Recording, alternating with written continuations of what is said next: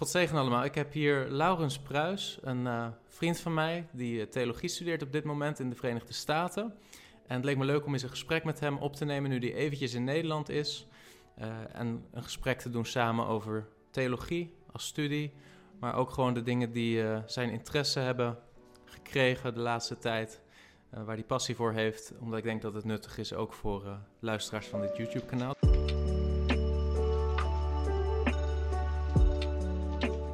Welkom Laurens, leuk dat je er bent. Ik ben eerder ook bij jou te gast geweest, hè? Ja, dat klopt, ja. Dat was, uh, hoe noemde je dat ook alweer? Geloofgericht, hè? Uh, Godgericht. Godgericht, oké. Okay, ja, ja, Godgericht in gesprek heette de podcast. Ja. ja, en dat heb je best een tijd gedaan. En op een gegeven moment toen ging je uh, theologie studeren en zijn die podcasts naar geloofstoerusting gegaan, geloof ik? Ja, dus als, je, als mensen geïnteresseerd zijn, je kunt ze vinden op de website van geloofstoerusting. Ja, en uh, dat, dus dat staat nu even wel, denk ik, op pauze. Of Mhm. gaat er nog iemand mee verder op dit moment? Op dit moment niet, nee. Misschien in de toekomst, we zullen het zien. Geloofstoerusting is wel uh, heel actief bezig hè, met uh, onze vriend Marcel. Mhm. Marcel vroeg op. Ja, dus dat is ook wel fijn dat dat doorloopt. In de tussentijd ben jij nu bezig met een tijd van toerusting in de Verenigde Staten. Wat ook ja, heel mooi is. Zou je misschien iets over jezelf willen vertellen voor luisteraars van uh, deze podcast of dit YouTube-kanaal? Ja. ja, ik ben dus uh, Laurens Pruis. Ik ben uh, 24 jaar en ik ben opgegroeid in een christelijk gezin. wij gingen naar de vergadering der gelovigen, een trouwe groep mensen daar en die samenkwamen op zondag. En mijn ouders, trouwe gelovigen, die mij de dingen van de Bijbel hebben meegegeven. Maar goed, hè, ieder gaat ook zijn eigen weg. En uh, mijn pad liep eerst uh, toch eigenlijk weg bij de kerk. En uh, toen op 16, 17-jarige leeftijd heb ik een, een weekend bezocht. Waarin een geweldige bijbeluitlegger was. Die mij liet zien dat ik geen christen was. Ik dacht dat ik een christen was. Want ik had op mijn twaalfde ja gezegd tegen Jezus. Maar goed, ik leefde niet als een christen. Ik uh, ik had geen verlangen naar God, ik had geen verlangen naar het volgen van Hem. En uh, deze uh, voorganger die liet zien vanuit de schrift, ja, als, als, als de liefde van de wereld in je is, dan is de liefde van de Vader niet in je. En God heeft dat gebruikt door zijn Heilige Geest om, om mij tot Hem te trekken. En ik heb mij toen mogen bekeren en laten dopen. En toen heb ik eerst in Rotterdam een bachelor gedaan aan de Erasmus Universiteit. En toen heeft God zo mijn leven geleid dat, uh, dat ik uh, theologie ben gaan studeren. En uh, ja, daar ben ik nu. Wel, welke bachelor heb je gedaan, als ik vraag mag? International Communication and Media. Oké, okay, dus niet per se een theologische nee. bachelor, hè? Nee, ik, ik was tot geloof gekomen en ik had me al ingeschreven voor deze bachelor. En ik, ik bad tot God, Heer, ik wil, ik wil doen wat u wil met mijn leven, maar ik zou niet weten wat. En ik sta hiervoor ingeschreven en ik, ik heb me ingeschreven met aardse redenen. Maar goed, ik zou niet weten uh, wat ik anders zou moeten doen. Dus als, als dit uw plan is, dan, uh, dan ga ik hier gewoon heen en proberen een, uh, een licht te zijn en een getuigenis te zijn. En zo niet, laat het mij zien. En nou, op dat moment heb ik niet gezien dat de Heer anders leidde. Dus ik ben uiteindelijk gewoon die bachelor gaan doen. Maar echt met een hele andere insteek dan ik eerder had gedacht. in het volgen van Christus en in het verlangen om daar juist andere Christus te laten zien. En daarnaast natuurlijk mijn best te doen in mijn studie. Ja. Uh, dus ja. Goed, dus dat is een beetje hoe jij uh, richting de theologieopleiding geleid Mm. bent. En uh, dat ben je niet in Nederland gaan doen, hè? Dat klopt. Ja. Ja, nou, om het verhaal wat, wat meer kleur te geven. Deze voorganger, die, waaronder ik tot geloof ben gekomen, die nodigde mij en mijn vrienden uit om gewoon bij hem thuis te komen en hem elke vraag te stellen die we maar wilden, elke week. Uh, maar op basis van de schrift, op basis van de Bijbel. Dus hij zei van, ik ga niks voorbereiden, lees je Bijbel door de week en als je vragen hebt, schrijf ze op en dan gaan we het daarover hebben. Uh, en ja, voor een aantal jaren zijn we bijna elke week daar geweest met een groep. En, en hij leerde ons echt zijn antwoorden vinden in de Bijbel. Hij kende zijn Bijbel van voor naar achter. En dus hij heeft ons heel erg aangeleerd, je antwoorden vind je in de schrift.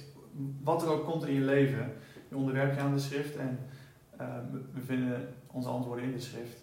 Um, en dat heeft mij heel erg voorbereid, um, denk ik, om, uh, wanneer ik toen naar de universiteit ging, om, om daar getuige te zijn en mij te onderwerpen aan Gods woord. Maar goed, toen vervolgens de vraag kwam, hé, hey, misschien, misschien heeft de Heer wel een plek voor mij in, in een bediening in Nederland. Ja, waar wil ik dan toegerust worden? Want ik, ik had wel door, ik heb meer toerusting nodig als ik dat wil doen. Maar waar vind ik dat dan? En mijn conclusie was, uh, in, in overleg met andere mensen, dat um, die toerusting lastig te vinden is in de Nederlandse context op dit moment.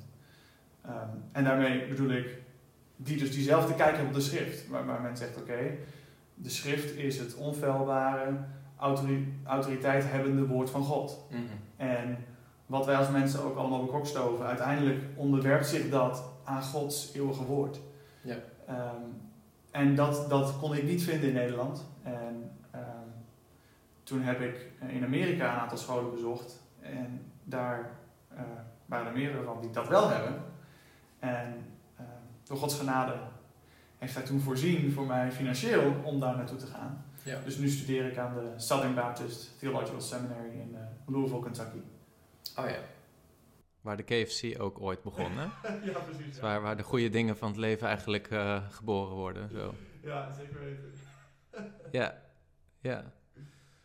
Ja, nou ja, dat is, dat is bijzonder. En je bent daar nu twee jaar uh, bezig, heb je mij ook verteld, hè? Mm -hmm. Je bent nu even in Nederland en daarna ga je nog het laatste stukje, zeg maar, van die... Ja. Het is een master... Ja, dat heet dan een Master of Divinity. Ja. Uh, je, hebt, je, hebt, je hebt een Master of Arts, dat is twee jaar. Uh, Master of Divinity is drie jaar, dan doe je ook de Bijbelse talen. Ja. Um, dus ja, die, die, die opleiding die volg ik nu. En um, je hebt ook iets dat heet een Master of Theology, maar dat is die Master of Arts of is dat weer wat anders? Uh, ja, die, aan Southern wordt die iets anders gegeven. Um, dat noemen ze ook wel afgekort een THM. En uh, op Southern kan je die doen na je Master of Arts or, of je Master of Divinity. Dus dat is als, als het ware uh, daarbovenop. Oké. Okay. Dus er zijn andere scholen die, die dat als één... Maar dat is, aan, aan Southern is dat maar een eenjarige toevoeging aan dus een van die twee masteropleidingen die je hebt. Ja. Nou, en wat, wat ik interessant vind om met je te bespreken is... Hè, er zijn best wel wat jonge mannen ook die mm -hmm. dit YouTube-kanaal volgen. En ik ben wel benieuwd voor jongeren in Nederland... die een passie hebben voor de Bijbel, voor het evangelie... Um, in hoeverre is het van toegevoegde waarde om zo'n theologiestudie te doen in jouw beleving? Hè? Want er zijn vast mensen die twijfelen. Het is, je hoort soms ook wel eens geluiden van ja, de discipelen van de Heer Jezus, de apostelen, waren uh, ook niet opgeleid uh, door middel van een theologieopleiding. Die hebben wel drie jaar met Jezus gewandeld. Hè? Dus dat ja. is natuurlijk eigenlijk ook een soort Master of Divinity, zou ja. je kunnen zeggen. Ja. Maar uh, wat heeft jou uiteindelijk overtuigd dat het voor jou wel goed was om die studie te gaan doen? En heb je daarin ook geleid, ge, ja, ervaren door de Heilige Geest? Of in hoeverre je dat zo kan vragen? Ja, nou, um, voor mij een belangrijk moment was toen ik uh, deze school bezocht in Amerika, uh, een half jaar geleden. Toen kreeg ik een boekje in mijn handen gedrukt uh, met de titel What is Biblical Theology? Wat is Bijbelse theologie? En um, daarin, Dr. Jim Hamilton legt daaruit uh, hoe, wat dan heet Bijbelse theologie, hoe, wat dat is en um, hoe Bijbelse theologie helpt om de Bijbel te begrijpen. En misschien komen we daar, wat dat precies is, komen we misschien straks nog wel over te spreken. Maar toen ik dat las, kwam ik erachter van wauw, dit is zoveel dieper dan ik mij had kunnen voorstellen.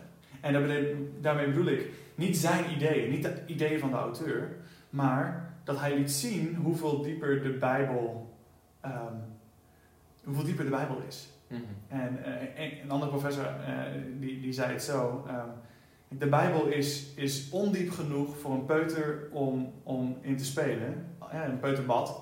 Maar het is diep genoeg voor een olifant om in te verzuipen.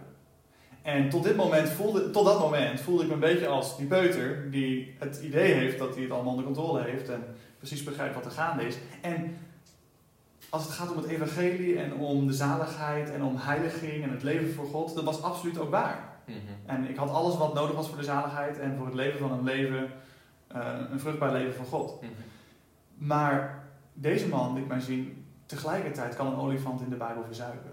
Mm -hmm. En uh, ik begon te zien, wauw, dit is zoveel dieper, zoveel, er zit zoveel meer in dan ik mij op dit moment besef.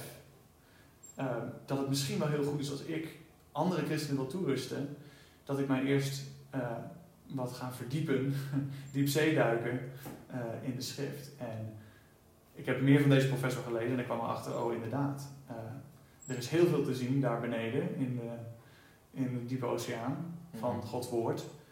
En uh, het is denk ik goed om daarheen te gaan. En ik denk dat de geest dat zeker uh, gebruikt in mijn leven om gewoon zo'n verlangen naar Gods woord en naar de dingen die ik zag. En uh, het spoorde mij vervolgens ook aan om een, om een heilige leven te leiden. Een leven voor God om, om een getuige te zijn van Hem. Ja. Dus ik zag ook die uitwerking in mijn leven. En, ehm, en, en dus, dus ja, dat, dat is een beetje hetgene wat mij daartoe bracht.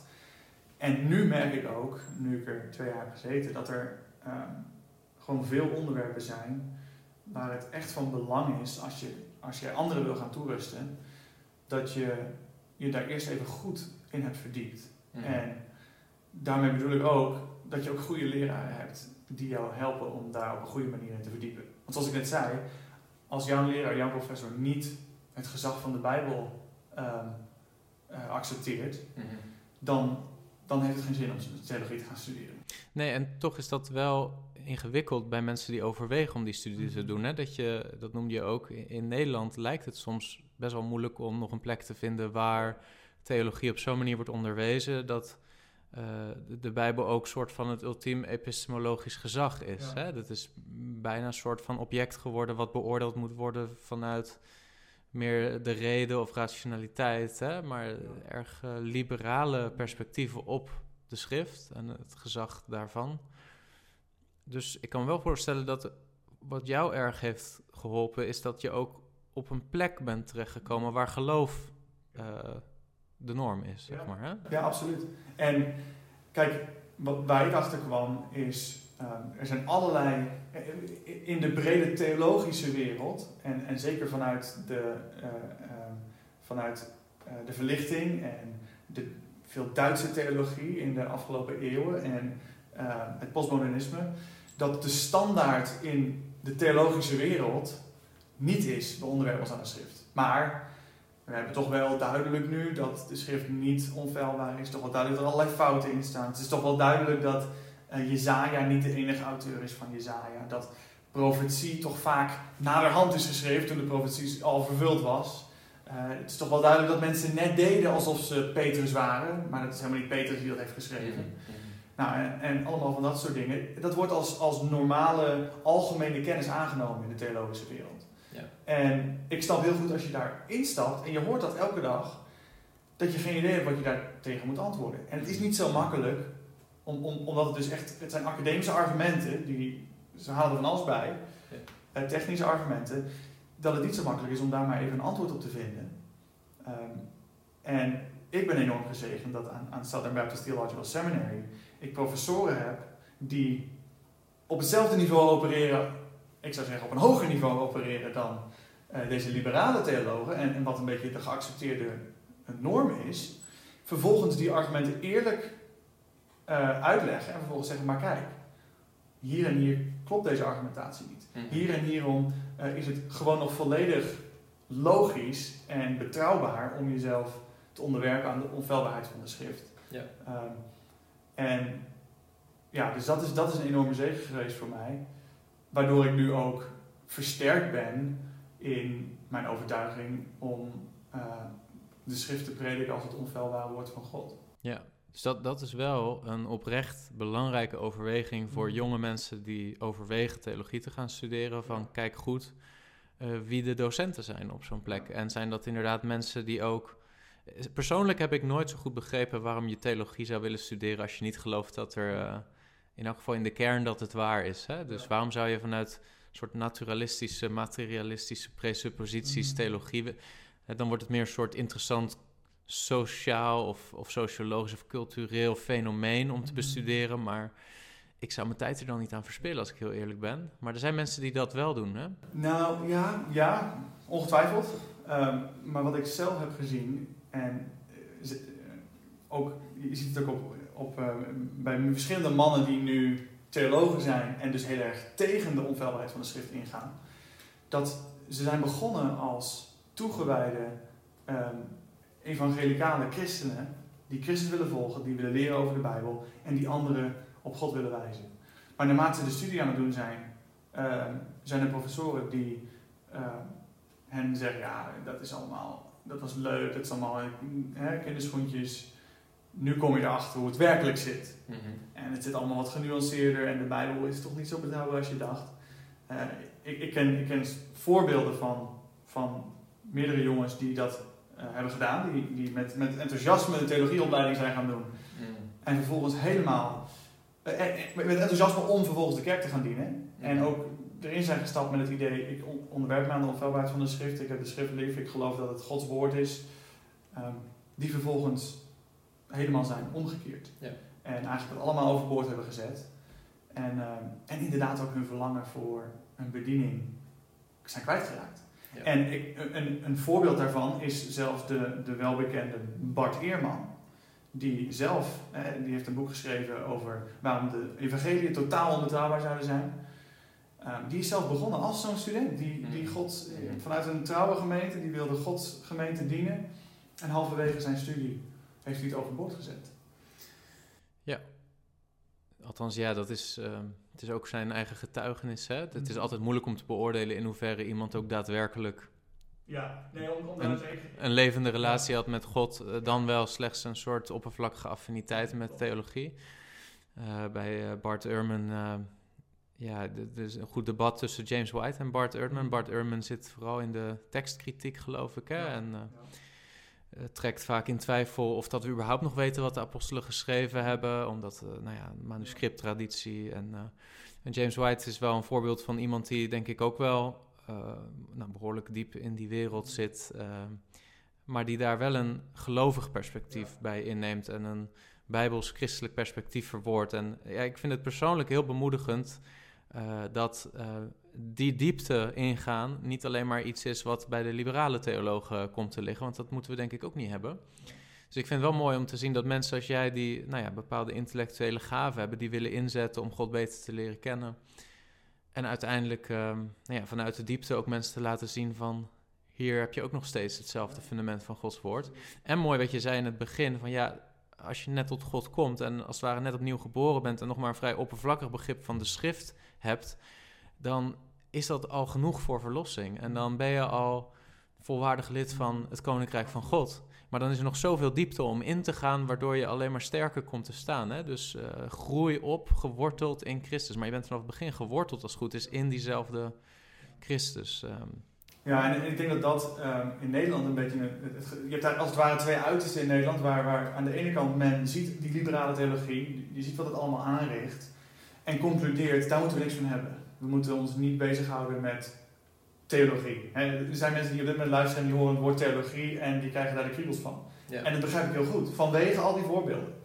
En, ehm, maar, maar ik denk het, het probleem is dan dat je vervolgens mogelijkerwijs een gemeente krijgt waarin inderdaad alleen maar peuters zitten, geestelijk gezien. En het is voldoende, nogmaals, het is voldoende om, om de zaligheid te beërven. En, eh, maar tegelijkertijd is het een heel makkelijke plaats voor dwaalleer om naar binnen te komen. Eh, om on, ongoed overdachte ideeën de ruimte te geven. Omdat er, er niet mensen zijn geweest die eh, echt wat meer zijn toegerust in de schrift, in de eh, kerkhistorie, enzovoort, enzovoort. En, en het andere uiterste is, oh, hè, we hebben nu iemand die theologie heeft gestudeerd, dus die geeft ons alle antwoorden. En als we, als we een antwoord moeten hebben op de vraag, kan een vrouw in het ambt? Dan moeten we een groep theologen bij elkaar zetten en die gaan het onderzoeken en die gaan ons dan vertellen wat is het antwoord. Vrouw, vrouwelijke theologen wel dan, denk ik. Ja, nou ook inderdaad. Ja, en terwijl de schrift er heel duidelijk over is en dat mensen in de gemeente iets zetten, hebben van, huh, maar de schrift zegt dit, maar de theologen bepalen nu dat dat niet, dat de meest logische uitleg niet klopt. Ja, dus dan is de eenvoud van de schriften is dan ook weg. Hè? Dan Ja. wordt het op een gegeven moment iets voor een priesterklasse. En dan ben je eigenlijk terug bij Rooms-Katholicisme. En, Ik, ik heb wel eens een, een, een, een dominee horen zeggen, en, en dat is een beetje dat voorbeeld van dat er dus een, een, als het ware een, een eh, enorme eh, kloof wordt gecreëerd tussen de theoloog en de gewone mens. En die, die zei, nou, eh, we hebben dit vers voor ons en er zijn verschillende, er zijn verschillende overwegingen wat dit betekent. Er zijn verschillende eh, standpunten. ik heb het allemaal onderzocht en dit is de juiste. Oh ja. En vervolgens geeft hij de juiste. Ja, en zo van, dat is mijn werk. En, eh, en uiteraard je hoeft niet altijd alle verschillende standpunten te geven. Maar het geeft een beetje aan, er wordt eigenlijk een beetje verwacht van, oké, dit is een theoloog, die heeft ervoor gestudeerd. Ehm, dus we moeten hem maar gewoon vertrouwen. En Ja. ik denk in de schrift dat je het beeld krijgt, bijvoorbeeld Efeze 4, dat de herders en leraars gegeven zijn om de gemeente toe, toe te rusten tot het werk van dienstbetoon. Tot het werk van de ministry, zoals ze in Amerika zeggen. Ja. En ehm, dat is waar Southern Baptist Theological Seminary, waar ik zit, op gefocust is. Om mij toe te rusten, om de gemeente toe te rusten. Ja. Dus alles wat ik leer is niet voor mij om dan te zeggen: ik heb alle antwoorden en kom maar gewoon bij mij en ik ben de theoloog. Maar ik ga de mensen in de gemeente toerusten om ook die dingen te zien in de schrift. Om eh, die dingen beter te gaan begrijpen. Nou, en toerust is een mooi woord daarin, hè? dat je mensen eigenlijk de tools wilt geven om zelf de schrift te bestuderen. Hè? Zoals eh, een Paulus die predikt ergens en mensen gaan zelf de schrift bestuderen om te zien of dat de dingen zo zijn. En dat wordt door de Heilige Geest ehm, ja, gezien als edelheid, hè? dus iets nobels, iets goeds. Ja. Er wordt niet gezegd van ja, wa- waarom gelooft dus niet gewoon Paulus op zijn woord of zo? Nee, de schrift heeft het gezag, niet de mens die de schrift predikt. Ehm, de schrift is uiteindelijk de bron van het gezag. En, en God natuurlijk in ultieme zin, die, dat, die de schrift heeft eh, geïnspireerd. Dus dat, dat vind ik mooi om te horen. Maar het is natuurlijk wel ook de associatie die veel mensen hebben, zeker in wat meer traditionele kerken in Nederland, van ja, de dominee, die weet het en ik niet. En ergens is dat ook een beetje een overblijfsel van het Rooms-Katholieke idee dat er een bepaalde priesterklasse is die, nou ja, eh, bepaalde krachten en bovennatuurlijke toerusting heeft ontvangen van God om bepaalde handelingen te Ja. kunnen uitvoeren die zeg maar het normale volk niet heeft. Hè? En of dat het nou transsubstantiatie is of een bepaald gezag om de schrift uit te leggen. Ehm, zoiets kleeft toch ergens ook gewoon in ons vlees om zo Ja. onze religie te willen Ja. beleven of zo. Ja, mijn voorganger vertelde, hij had een, een, een aantal eh, Rooms-Katholieken op bezoek voor het eten. En eh, hij wilde natuurlijk met hen een gesprek voeren. En, hij liet van, en ze waren vanuit, dus ze waren in Efeze volgens mij aan het lezen. En hij liet elke keer zien van, dit is wat de, de schrift werkelijk leert. Eh, niet, niet overkomstig wat jullie leren. En op een gegeven moment zegt die, zegt die vrouw, die zegt, eh, ja, dit kunnen we, wel de hele, we kunnen dit wel de hele avond blijven doen. Maar dit maakt voor ons niet uit. Wat voor ons uitmaakt is wat de kerk zegt. En, eh, en to- toen werd al duidelijk in die leer van, het is uiteindelijk de kerk die de Bijbel uitlegt. Het gewone volk is niet in staat om zelf Gods woord uit te leggen. Dat is een gevaar voor hen die theologie gaan studeren, om zo te gaan denken. Hmm. Zo van, ik heb het nu allemaal bij het rechte eind, ik heb dit bestudeerd, laat me nu maar uitleggen hoe het allemaal zit. En dat kan, ook, dat kan ook een zekere aantrekkingskracht hebben om theologie te gaan studeren als je vanuit je vlees die positie zoekt. Hè? Als je Ja. denkt, ik wil in de gemeente juist die plek hebben, want er zit een zekere eer aan vast.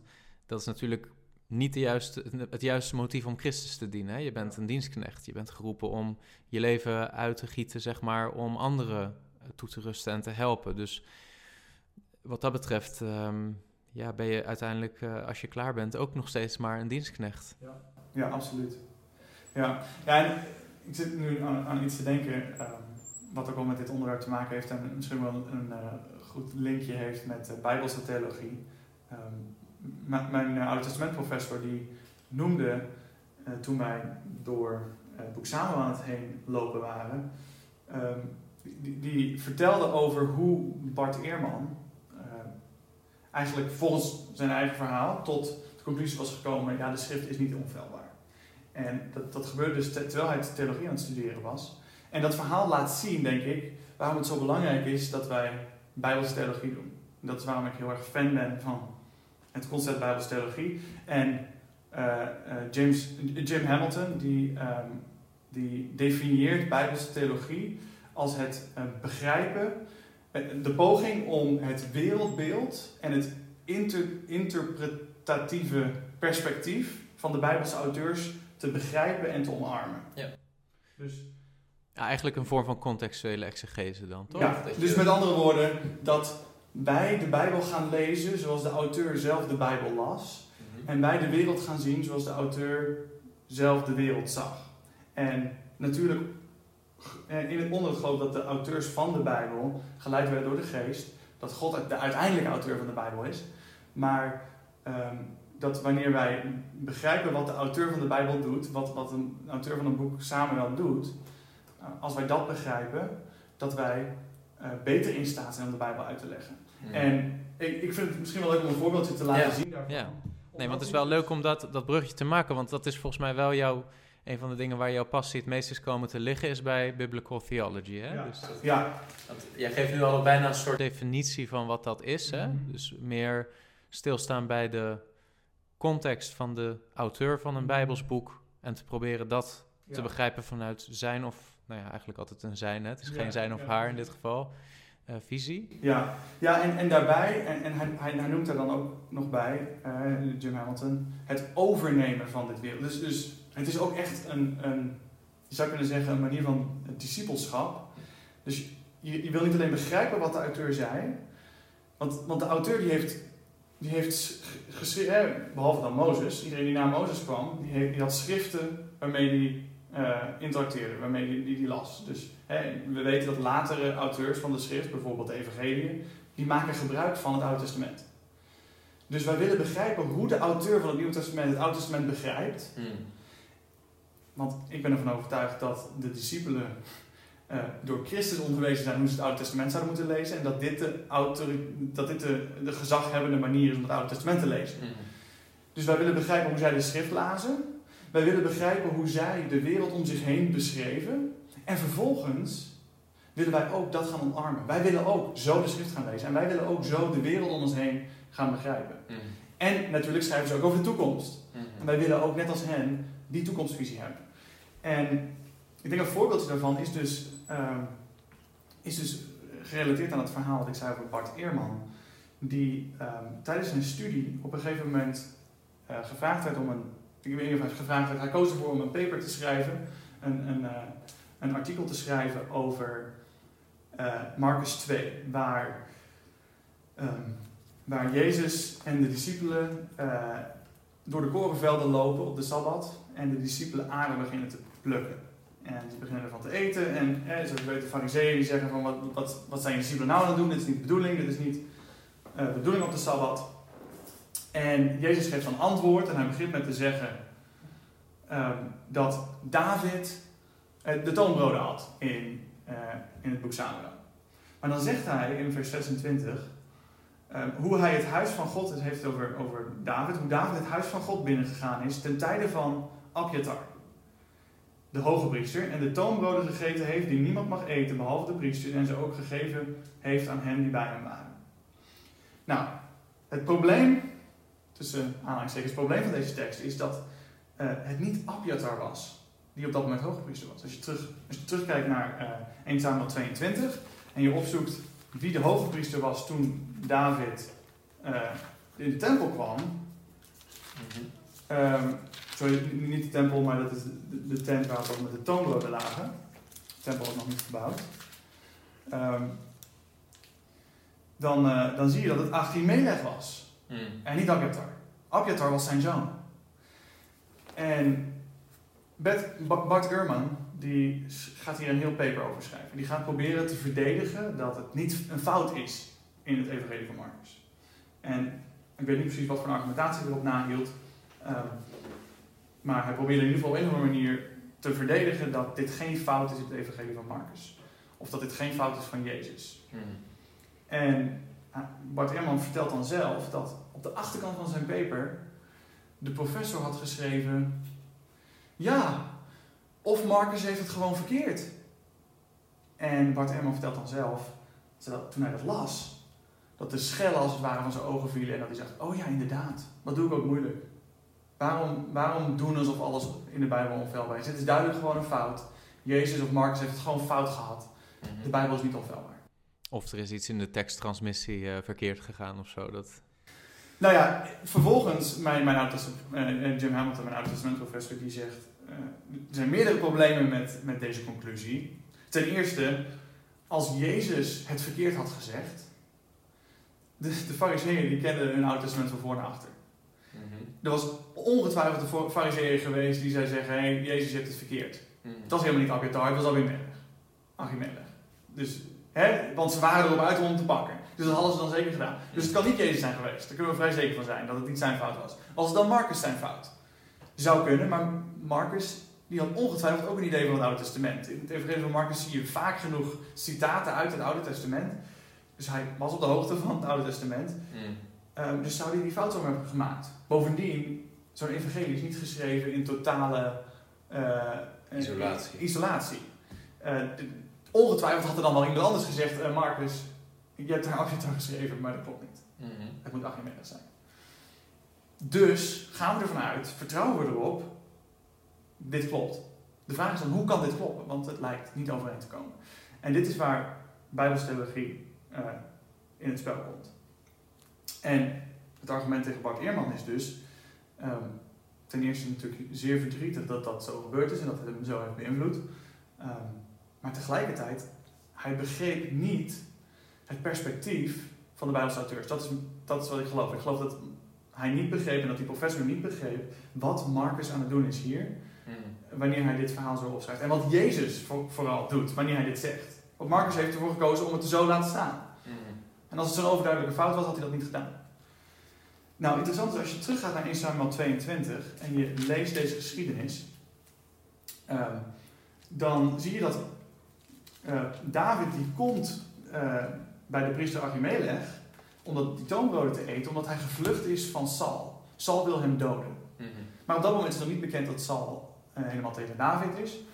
Eh, dus Achimelech denkt, oh David, en want David die, die was een van de, de generaals van Saul, die had enorm veel eh, vijanden verslagen. Dus Achimelech denkt, dit is, dit is een, een hoogstaande generaal, ik moet hem eren, ik moet hem, eh, ik moet hem gewoon welkom heten. En dat doet hij dus.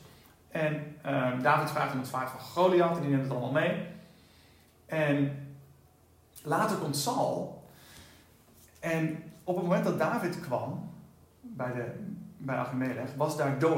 Dat lees je in 1 Samuel 22. En Doeg, de Edomite, die, eh, die zag dit en die vertelt Saul, ja, David was hier. Mhm. En eh, Saul concludeert, Achimelech is tegen mij. Achimelech die is samen met David heeft zich tegen mij gekeerd. Achimelech moet dood. En alle priesters van de heren die daar zijn. Mhm.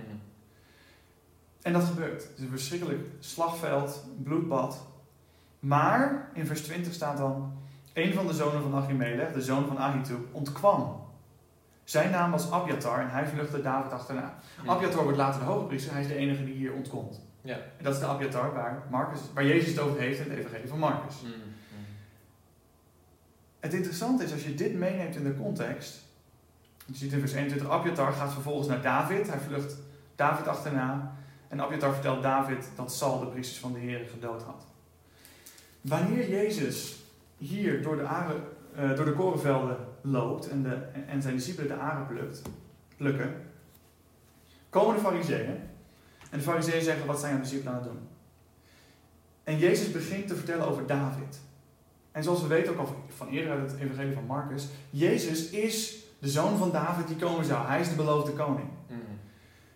Wat bij implicatie zal hij ook bedoeld hebben, deze mensen om mij heen zijn als de mensen die erkenden dat David de ware koning was. Mhm. Zijn discipelen zijn als die mensen die naar David toevluchten. Want later lees je ook over al die mensen die, die, eh die eh, hartenzeer hadden, die, die vervolgd werden, die kwamen allemaal bij David. En, die, en dat werd die groep van, van helden die om David heen waren. Mhm. En Jezus zegt eigenlijk, ik ben David. Ik ben de, ik ben de vervulling van David, de, de komende David. En deze mensen zijn als die mensen. Inderdaad, in de ogen van de wereld zijn ze achtergesteld, horen ze er niet bij. Maar zij erkennen dat ik de ware koning ben, net als met David. Mhm. En vervolgens zegt hij in vers 26, dat, eh, vers 25, hè, dat David honger had en dat hij, eh, dat hij dus de toonbroden eet, wat officieel volgens de wet niet mocht. Mhm. De discipelen doen iets wat ook officieel volgens de wet niet mag. Maar Jezus zegt, ja, maar ik ben net als David. En later, eh, een tweede argument geeft hij in vers 27, dat hij zegt dat, eh, eh, vers 28, dat hij Heer is van de Sabbat. Mhm. Dus hij heeft, hij, heeft die, hij heeft dat gezag. Maar Jezus zegt niet alleen dat. Hè, hij, hij, hij vertelt niet alleen dat, dat David honger had en dat hij vervolgens die toonbroden at, net als dat zijn discipelen nu de aren eten. Maar hoe hij ten tijde, eh, hoe hij het huis van God binnenging in tijden van, ten tijde van Abiatar, de hoge priester. Waarom noemt hij Abiatar de hoge priester? Dat is dus de vraag, want Mhm. dat lijkt verkeerd te zijn. Mhm. Maar wanneer hij Abjatar noemt, zorgt, en dit doen Nieuw Testament auteurs heel vaak, zorgt hij ervoor dat jij niet alleen terugdenkt aan David eet toonbroden, Mhm. maar aan David eet toonbroden, vlucht naar de woestijn, al deze mensen komen bij hem, zijn discipelen zijn als die mensen die bij hem zijn, Mhm. en hij noemt Abjatar specifiek. En daarmee haalt hij als het ware de hele geschiedenis haalt hij terug. Mhm. Niet alleen van de toonbroden eten, maar ook van die slagpartij die plaatsvond in het huis van de Heer door Saul, die op dat moment het gezag hield in Israël. Ja. En Jezus is, door Abjatar te noemen, is hij impliciet hier tegen de ik ben ervan overtuigd dat hij impliciet hier tegen de fariseeën zegt, jullie zitten op de weg van Saul. Ja, precies. Jullie zijn bereid om de priesters van de Heer te vermoorden. Ehm, iets wat. En, en een bloedbad te veroorzaken. Eh, terwijl dit de gezalfde van de Heer is. Mhm. Mhm. En ik denk dat het bevestigd wordt. Meteen in de volgende vers, namelijk in hoofdstuk 3, Mhm. staat er. En hij kwam opnieuw in de synagoge en er was iemand met een verzondelde hand.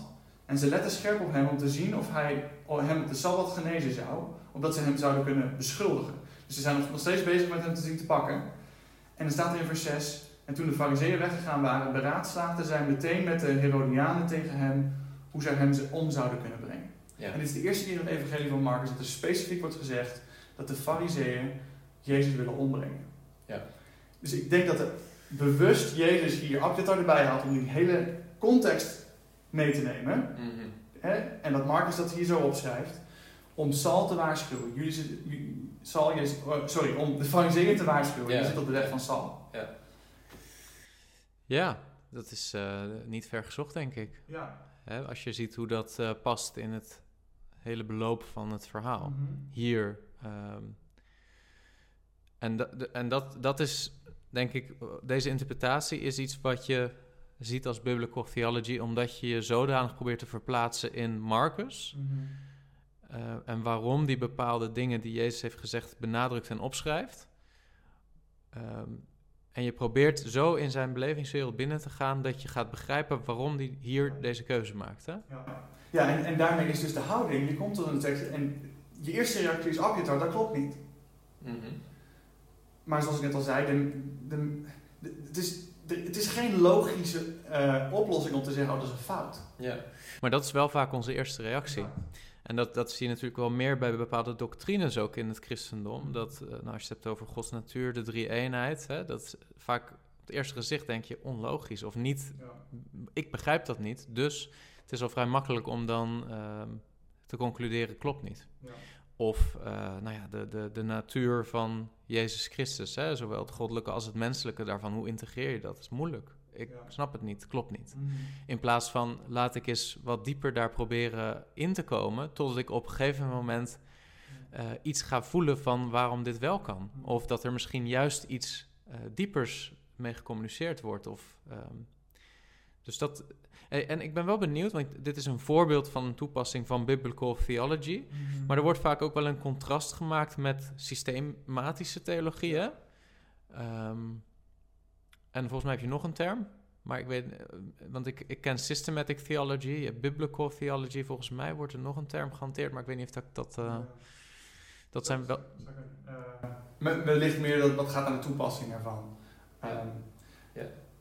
sommige, sommige mensen zien eh, hermeneutiek nog als een tussenstap tussen die twee. Maar ja, volgens mij de, de twee, wat, waar vaak de discussie over gaat, is inderdaad bijbelstheologie versus systematische theologie. En, Ja. Dan heb je nog Practical theology. Ja. Hè? Ja. Ja, ja. En, en dit, biblical theology is iets wat jij in je theologieopleiding, nou, wat jou in elk geval heeft gegrepen.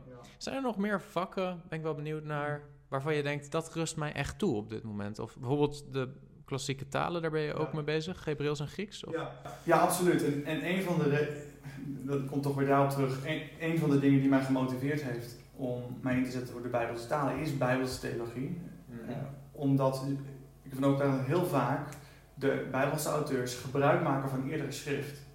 En soms zeggen ze, zo, er staat geschreven, puntje, puntje, puntje. Mhm.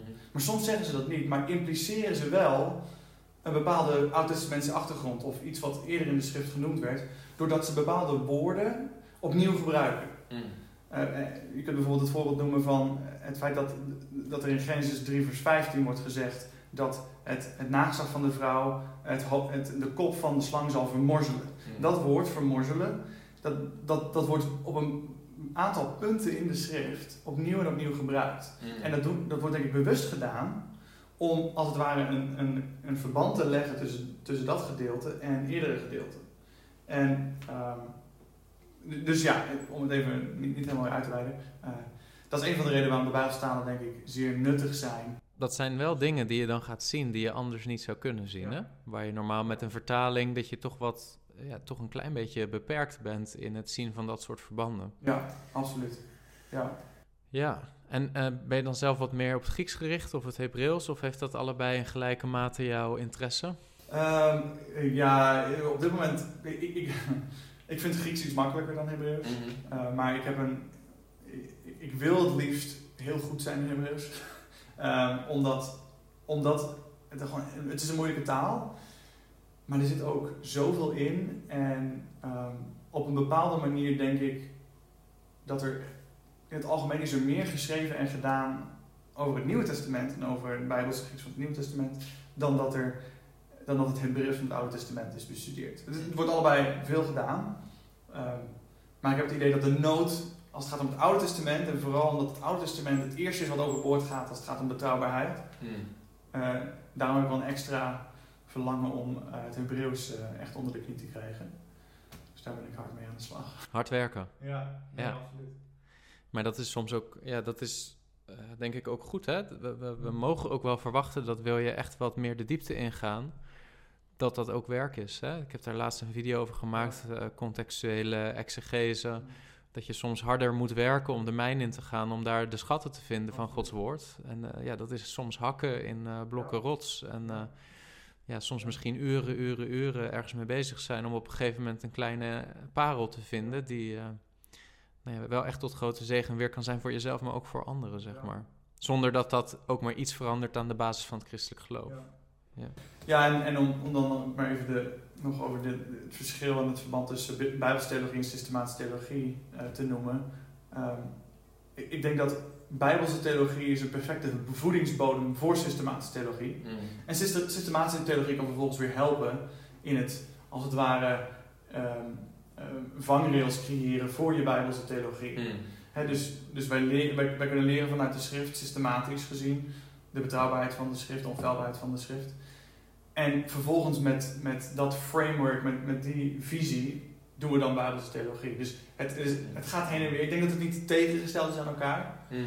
Ehm, Als je gelooft dat er consistentie en coherentie is tussen Ja. de auteurs van de geschriften. Hè? Dus dat, en dat geloof je natuurlijk vanuit eh, nou ja, een bijbels-christelijk geloof. eh, hè? Daar daar sta je erachter. Geloof je dat de hele schrift geïnspireerd is door God, dat God zelf de consistentie vormt ja.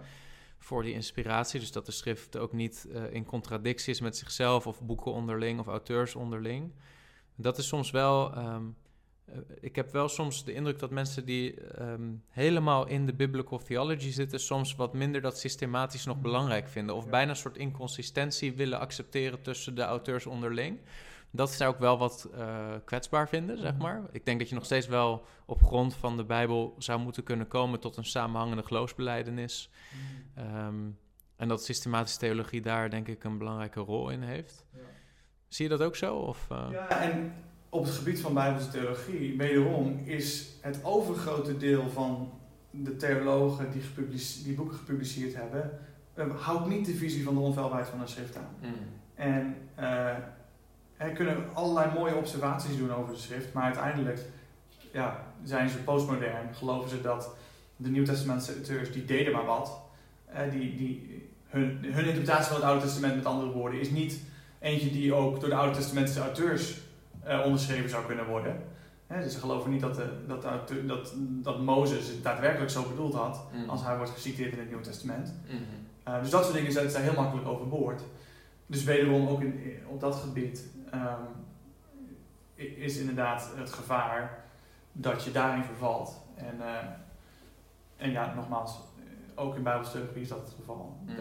Als je dat thema onderzoekt en boeken zou... Als je zomaar een boek van Bijbelse theologie zou kopen en dat gaat lezen... is de kans heel groot dat je iemand hebt die eh, niet in de onfeilbaarheid en autoriteit van de schrift gelooft. Maar als je in zo'n context zit waar dat geloof wel eh, leeft en waar mensen, nou, waar je goede voorbeelden hebt van goede theologen die tegelijkertijd ook echte christenen zijn, zeg maar, levende gelovigen, dan ben je denk ik wel rijk gezegend op zo'n Ja. plek. Hè? Ja, en, en het is ook het is gewoon een zegen om. Kijk, ik had een professor en die is gewoon een absolute wereldexpert op het gebied van eh oud-Semitische talen. Hij kon niet alleen het Hebreeuws, eh Oegaritisch, eh eh, Aramees, al die talen beheerst hij. Ehm, en kijk, dat, dat ga ik waarschijnlijk, naar alle waarschijnlijkheid, niet doen. Mhm. Uh, maar deze man kan daardoor wel die experts die juist het tegenovergezelde, ja, het, over, het tegenovergestelde zeggen, pareren en zeggen: kijk, dit is wat zij zeggen, maar hier en hierom eh, is dat niet juist. En je ziet wel dat ook de Bijbel, het Nieuwe Testament, dat daar ruimte is voor dit soort mensen. Hè? Bijvoorbeeld een Apollos, dan staat er dat hij, ik weet niet precies hoe het er staat in handelingen, maar hij was machtig in de schriften. Of hij was nou, krachtig in de schrift. Hij was erin thuis. Hè? En het was iemand die met zijn wijsheid in staat was ook tegenargumenten te weerleggen. En ik denk dat God, dat de Heer Jezus Christus door alle tijden heen altijd dat soort mensen ook heeft in zijn wereld bij de lichaam die nou ja, een beetje eh, op het voorfront staan. En dat heeft ook een beetje met apologetiek te maken, hè? want je moet ook een zekere verdediging hebben op nou, dit soort toch ingewikkelde en soms uitdagende tegenargumenten. Maar dat je een, een, een, ja, een, een verdediging hebt om de hoop die in je is, daar verantwoording voor af te leggen. Dus het, ja, ik denk dat het mooi is en dat ja, in feite elke gemeente gezegend is door iemand die daar wat verder in is, zeg maar. En die daar de kudde ook wat in kan beschermen. Hè? Die een herderrol heeft en ook een beetje weet wat voor soort wolf je op je pad kunt verwachten, zeg maar. Dus dat, ja, ik vind het mooi om dat zo te horen. En ehm, ik ben ook wel benieuwd waar, ehm, ja, wat, wat jij denkt van, wat zou nou een advies zijn van jou voor mensen die overwegen dit te gaan doen? En is er misschien ook een plaats voor mensen die wel een roeping ervaren in het Koninkrijk van God, maar niet zozeer die theologiestudie gaan doen, zeg maar? Ja. Ehm. Je kan geen nee zeggen nu, hè? Want je weet dat ik geen eh, theoloog ben van beroep. Dus dat ja, nee, eh, absoluut. moet je, moet je in een andere podcast moet je dat een keer tegen iemand anders zeggen. Nee, nee ik, ik zou die tweede vraag absoluut met, met, eh, met ja beantwoorden. Er is absoluut ruimte daarvoor. En ik denk dat het ook zeer, zeer hard nodig is. Ja. En kijk, op een bepaalde manier, ehm, veel van wat je leert op een studie, dat zou je kunnen leren vanuit boeken. Je zou die boeken kunnen kopen, je zou zelf studie kunnen doen en je zou veel van diezelfde dingen kunnen leren. Eh, dus, dus de- kennis op zichzelf is, is beschikbaar op andere manieren. Dus je hoeft van mij niet per se die studie te doen of, of dat titeltje te hebben. Dat, dat zegt mij zeer weinig. En zoals gezegd, er zijn zeer hoogopgeleide mensen waar ik, waar ik helemaal geen behoefte heb om naar te luisteren, omdat ik niet geloof dat ze mij iets bijbrengen wat bijbels is. Mhm. Terwijl andere mensen die helemaal geen titels en, en, en eh, studies hebben gedaan, de Bijbel van voor naar achter kennen en mij eh, verder brengen in het Koninkrijk van God. Dus dat zegt mij vrij weinig. Ehm, maar voor, wat voor mij persoonlijk, eh, wat ik zal maar persoonlijk houden, heel nuttig is geweest van deze studie, is, is ten eerste dat vaak wanneer je het verlangen hebt om, om een bediening in te gaan, en het idee dat God jou daarvoor roept, ben jij iemand die in jouw kringen al iemand is die een beetje ehm, leidend is, die, die een beetje de kar trekt en die, die graag bijbelstudie doet, die al wat uitleg van de Bijbel doet. Eh, en, en je bent toch altijd een beetje iemand waar, je- waar vaak mensen al een beetje naar opkijken. Of in ieder geval van verwachten dat jij een beetje de leiding neemt. Mhm. En voor mij was het heel goed om naar een school te gaan waar allemaal andere studenten zitten die ook zo zijn in hun eigen omgeving. Om erachter te komen, hey, zoveel heb ik niet gelezen in vergelijking met al deze andere studenten. Mhm. En zo, eh, zoveel, zoveel vuur voor de Heer. Ja, ik heb het wel, maar ik ben niet de enige. Er zijn allerlei anderen die dat ook hebben. En er zijn allerlei professors hier die veel en veel en veel meer hebben gelezen en weten dan ik. Er zijn allerlei andere mensen die ook over alle vragen nadenken waar ik over nadenk. Over, en, die met dezelfde struggles zitten, met dezelfde moeilijkheden zitten.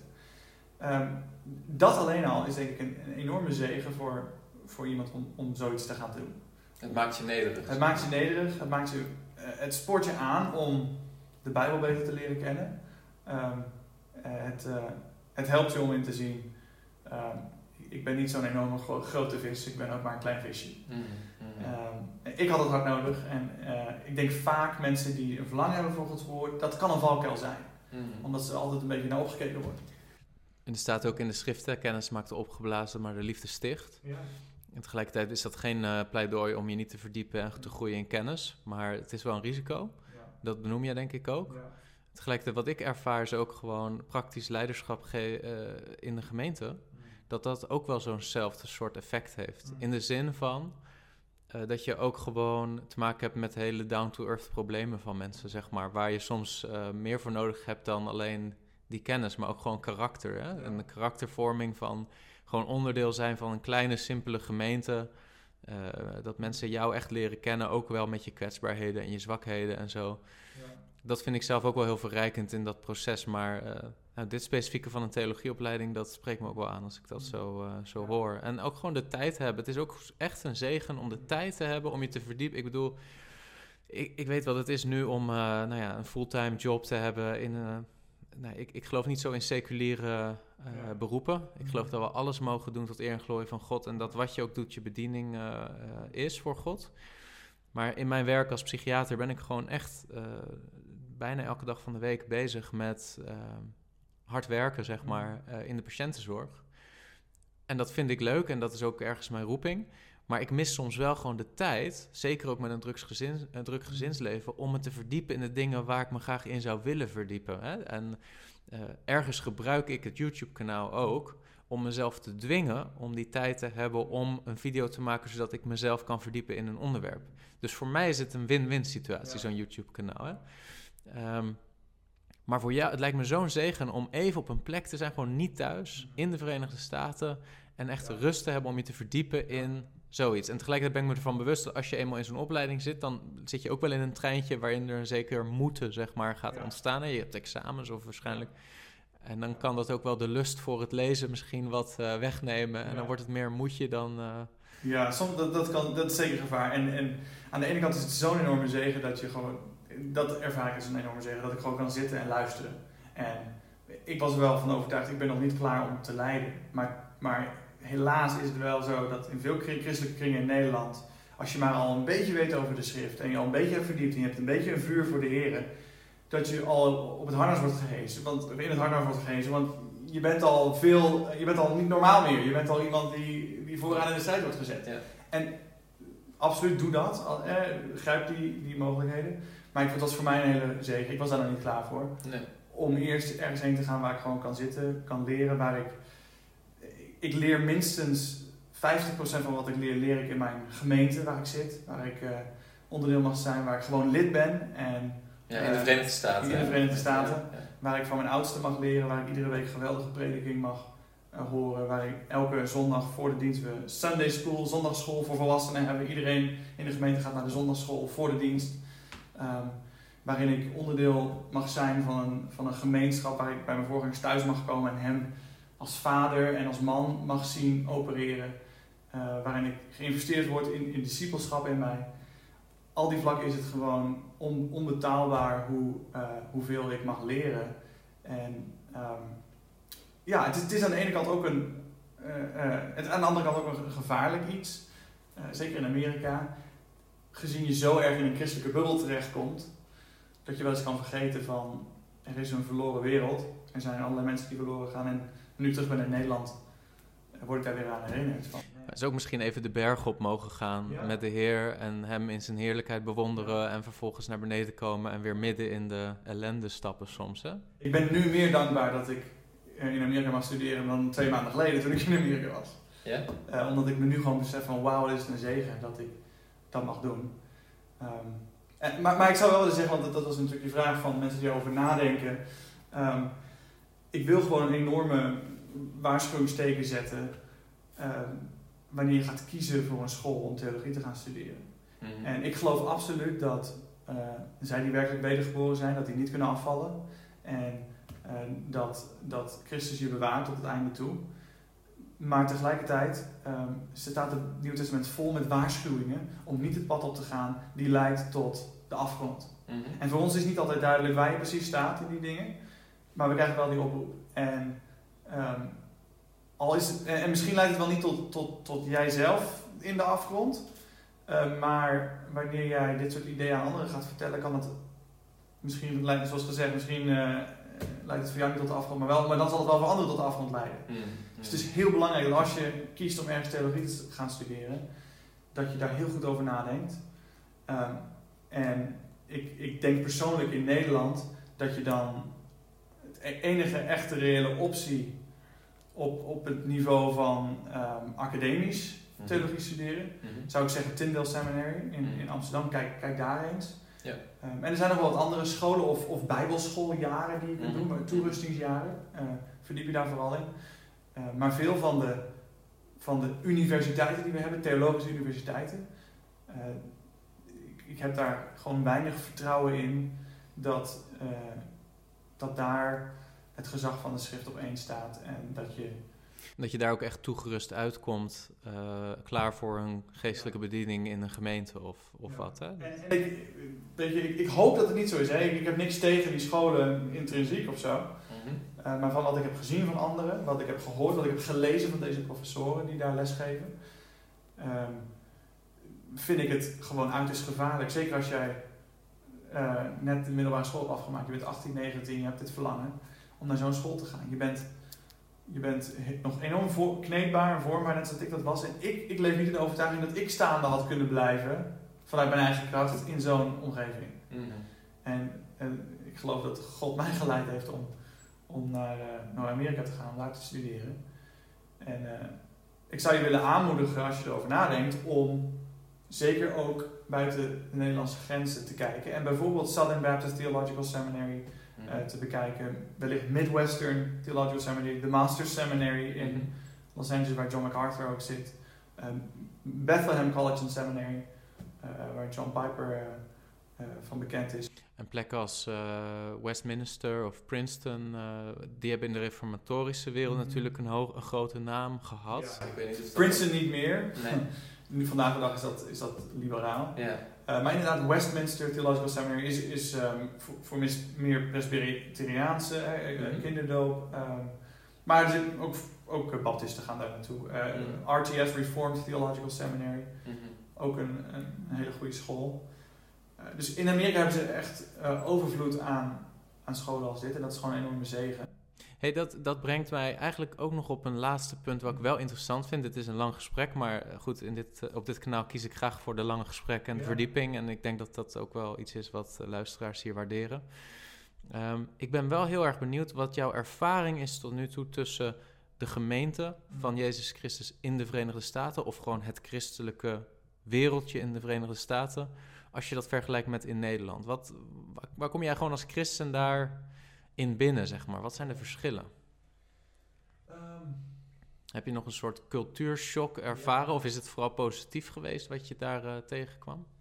Ik, ik, ik merk zeker culturele verschillen met, met Amerika. Gewoon als, in het algemeen. En de manier waarop mensen communiceren en de manier waarop mensen ehm, zich gedragen. Maar tegelijkertijd ben ik onder de indruk van hoe onze menselijke psyche in staat is om eh Jood te worden voor de Joden, Griek voor de Grieken, wanneer je daar bent. Mhm. Om Je daar- aanpassingsvermogen. ja, dat is, ik ben daar ze- zeer van onder de indruk. Eh, ik, kwam, ik, ik ben natuurlijk nu weer in Nederland en een van de dingen dat Amerikanen doen is, ze zijn wat minder direct dan Nederlanders. Nederlanders Ja. staan bekend om heel direct te zijn.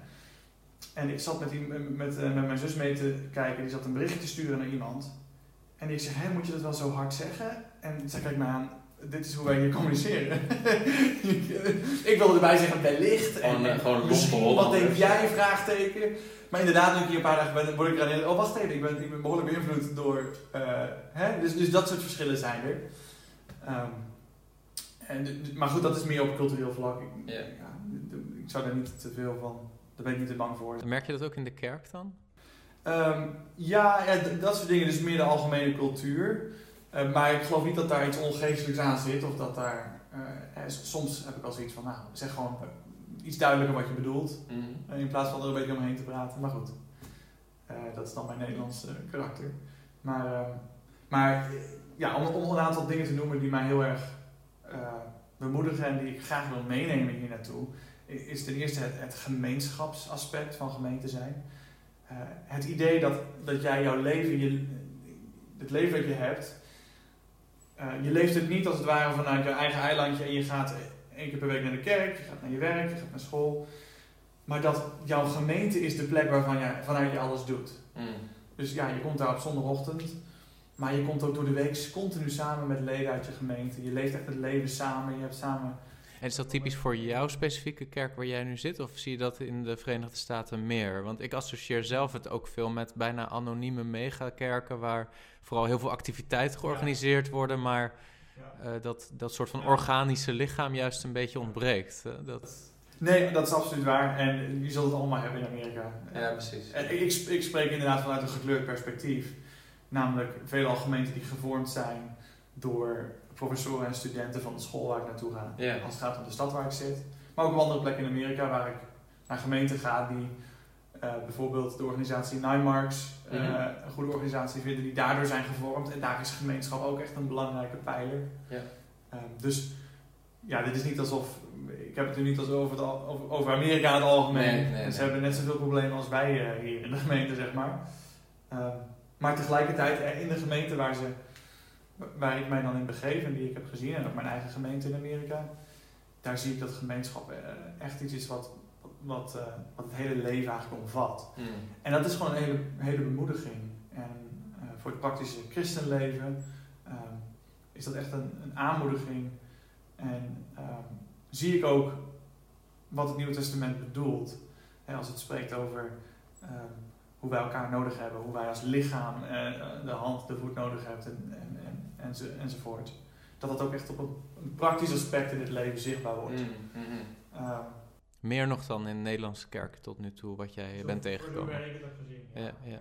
Hey, en de culturele stem van het christendom lijkt ook sterker in de Verenigde Staten nog, hè? Ja. Meer invloed op de cultuur nog. Ja, ja en, en, en Wel heel gepolariseerd Ja. ook, maar er is wel een christelijk tegengeluid vaak voor soort van liberale ontwikkelingen in de ja. uh, gemeenschappen en in de uh, maatschappij. Waar in Nederland je vooral die liberale beweging ziet, zonder dat de christenen daar nog heel veel tegen inbrengen vaak. Hè?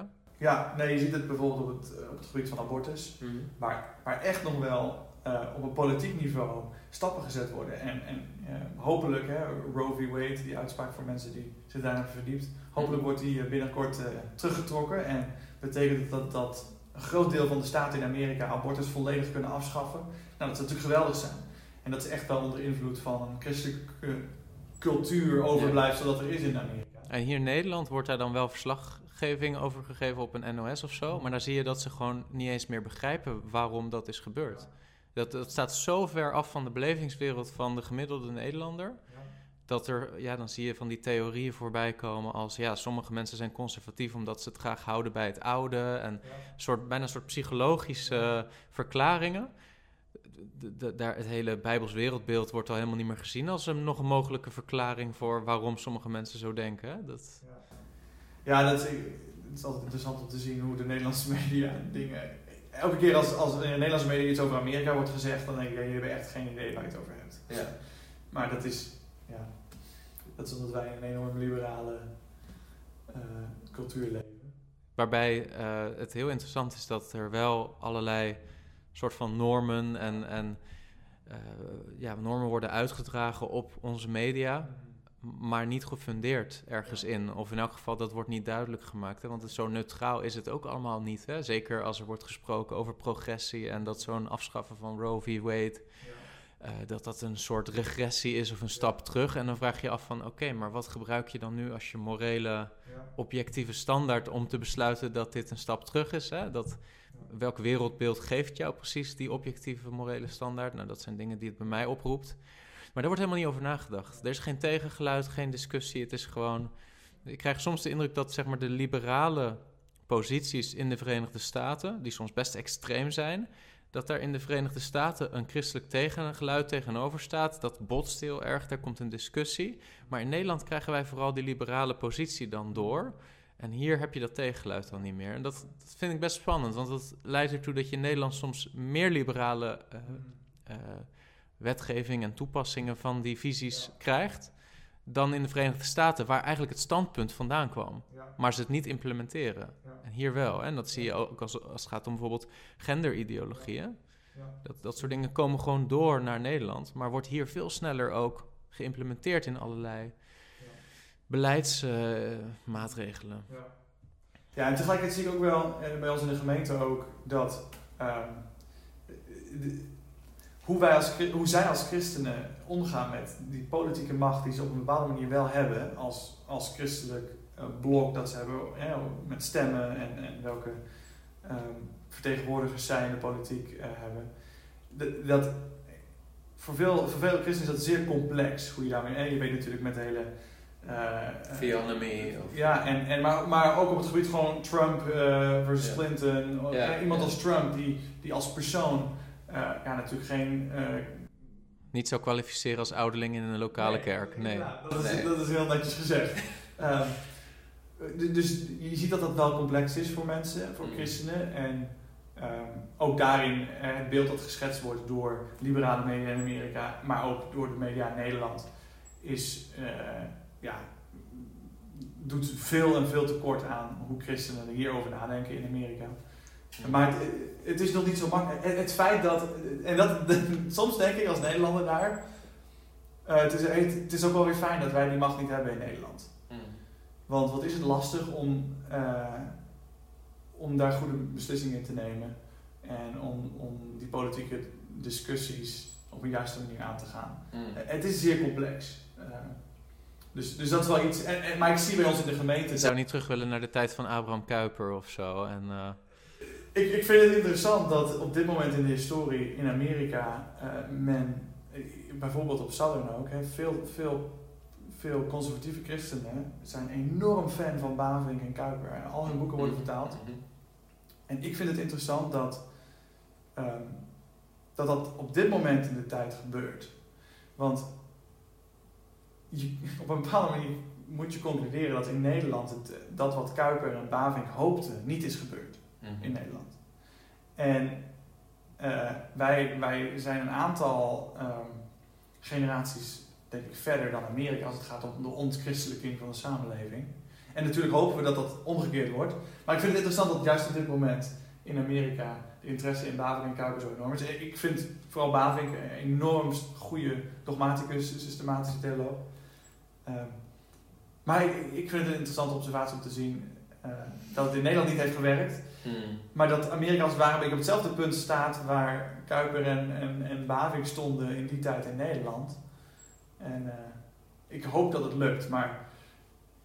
Ja, dat... eh, jij weet het nog niet zo goed. Nou, dat brengt ons ook wel weer terug bij eschatologie en eh, waar gaat er het koninkrijk van God naartoe Ja. uiteindelijk? Hè? Eh, Worden we uiteindelijk als soort van eh, te neergeslagen groep mensen eh, opgenomen en eh, verlost uit deze vrede wereld? Of gaat het koninkrijk van God steeds meer positieve invloed ook hebben? Nou, laten we die discussie voor nu maar niet. Eh, laten we die nog een andere keer eh, doen.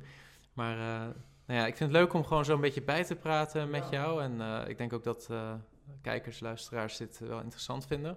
Ja. Mochten mensen vragen hebben eh, en die in de comments schrijven, ben je misschien ook wel bereid om daar af en toe nog een antwoord op te geven. En ik zou nog willen zeggen, als je, eh, in aanvulling, eh, als je geïnteresseerd bent om een studie te doen in Amerika, eh, je, je kijkt naar de prijzen en je denkt, dit is onmogelijk. Mm. Ehm, en dat komt door twee dingen zeggen. Eén, iets wat een verschil is tussen Amerika en Nederland. Christenen in Amerika zien het echt als een investering om jonge mensen naar zo'n school te sturen. Want wat zij willen is dat het woord trouw verkondigd wordt in hun gemeente. Ja. En zij zijn daar bereid om veel geld voor te betalen. Ik heb eigenlijk alle studenten om mij heen die, ehm, die worden op een of andere manier gesponsord door iemand uit hun gemeente of door hun gemeente. Ja. Met, en, en soms een hele studie. En een scholarship. eh, Ja, ja. Maar soms gewoon individuele christenen die hen ehm 10.000 dollar per jaar geven om dit te doen. Ja. Dus dat is één. Dus, eh, Zoek zo'n Amerikaan is eigenlijk. nou ja, hè, dus, dat is een verschil. En dat- dus dat maakt het lastig, want die studies zijn vrij duur. Mm. En wellicht kun je mensen in je omgeving overtuigen om, om daaraan te denken, om te investeren. En het tweede ding is, ik heb op een of andere bovennatuurlijke wijze eh dienstuitvoering onderwijs, duo, zover gekregen dat zij mijn studiefinanciering verstrekken voor mijn studie in Amerika. Mm. Ehm, dus als je vragen hebt, eh, stop het in de comments. Ik, ik kan je wellicht helpen om dat proces in gang te zetten. Ik kan niet beloven dat het voor jou ook zo gaat. Als duo vragen heeft, dan hoeven ze niet te reageren, Nee, denk ik. Hè? Dat, nee. Ehm, maar mocht, hè, mocht het financieel een stap waarin je ziet van, nou ja, hoe kan ik dit ooit veroorloven? Ehm, dat is een mogelijkheid. Dus kijk daar ook naar in, en ne- neem dat mee in je overweging als je een studie zou willen doen. En ik, ja, het is het zeker waard om, eh, om te overwegen. Hey, tot slot nog even, wat gaat de toekomst brengen voor jou, in zoverre jij dat nu kan overzien, zeg maar? En bedoel, we weten allemaal niet wat de dag van morgen zal brengen. En de Heer heeft een soeverein plan voor uh, en ieder van ons, denk ik, die wandelt met Hem. Ja. Maar hoe zie jij zelf de toekomst als je straks klaar bent en weer in Nederland bent? Uh, waar ligt jouw hart op dit moment? Uh, mijn verlangen is om terug te komen en ergens in een gemeente, of misschien een nieuwe gemeente, maar in ieder geval een gemeente als voorganger en als oudste te fungeren op, op, op termijn. En ehm, een, een gemeente uh, vorm te geven naar bijbelse maatstaven om, om de mensen te onderwijzen, te bemoedigen en toe te rusten tot het werk van dienstbetoon. En om jonge mannen in de gemeente op te leiden om hetzelfde te gaan doen. En wellicht uit te zenden naar andere plekken in Nederland om uh, als het ware een herleving te zien. Um, dus wellicht zou zelfs een, een meer gelovige theologische opleiding iets kunnen zijn in Nederland waar jij ook nog wel aan mee gaat bouwen weer, zeg maar? Ja, kijk, als, als, als in de toekomst ja, bijvoorbeeld studenten van Tyndale, Nederlandse studenten die in Amsterdam willen studeren, maar ook een, een, een plaatselijke gemeente zoeken. Nou, ik, ik hoop dat ik in Rotterdam aan de gang mag. Uh, dan zou ik het heel mooi vinden als die uh, in die gemeente in Rotterdam actief zijn. Misschien een, een stageachtige vorm dat dat zou kunnen aannemen. En met echt het idee dat, dat we zo dat is wat we nodig hebben. We hebben jonge mannen nodig die uh, Gods woord geloven, die Christus willen volgen, die bereid zijn om hun leven uit te gieten voor de gemeente en voor Nederland. Hmm. En uh, ik heb een verlangen om, om dat te gaan doen in een gemeente en om die, die mannen te zoeken. En zoals God mij heeft geroepen eh, om, om anderen te helpen om hetzelfde te gaan doen. En ja, het liefste mijn hele leven bij die gemeente te blijven en, en het door te geven aan iemand anders. En, Hmm. Ehm, ja. Duidelijk. Nou, ik wil je bedanken in elk geval voor je tijd. Ja. En voor dit gesprek. Ik denk dat het wel tot zegen zal zijn. Dat was voor mij in elk geval een zegen. En ook voor de luisteraars, denk ik wel. En uh, nou ja, in de toekomst zullen we nog wel andere onderwerpen samen bespreken, denk ik zo. Dus uh, heel, heel, veel zegen verder met je opleiding. Ja, dankjewel. Heb je iets gehad aan deze video? Druk dan op like, dan zullen meer mensen deze video zien. En wil je vaker dit soort apologetische video's of podcasts beluisteren? Abonneer je dan op deze YouTube-video's of op Apple Podcasts, dan wel Spotify. God zegen.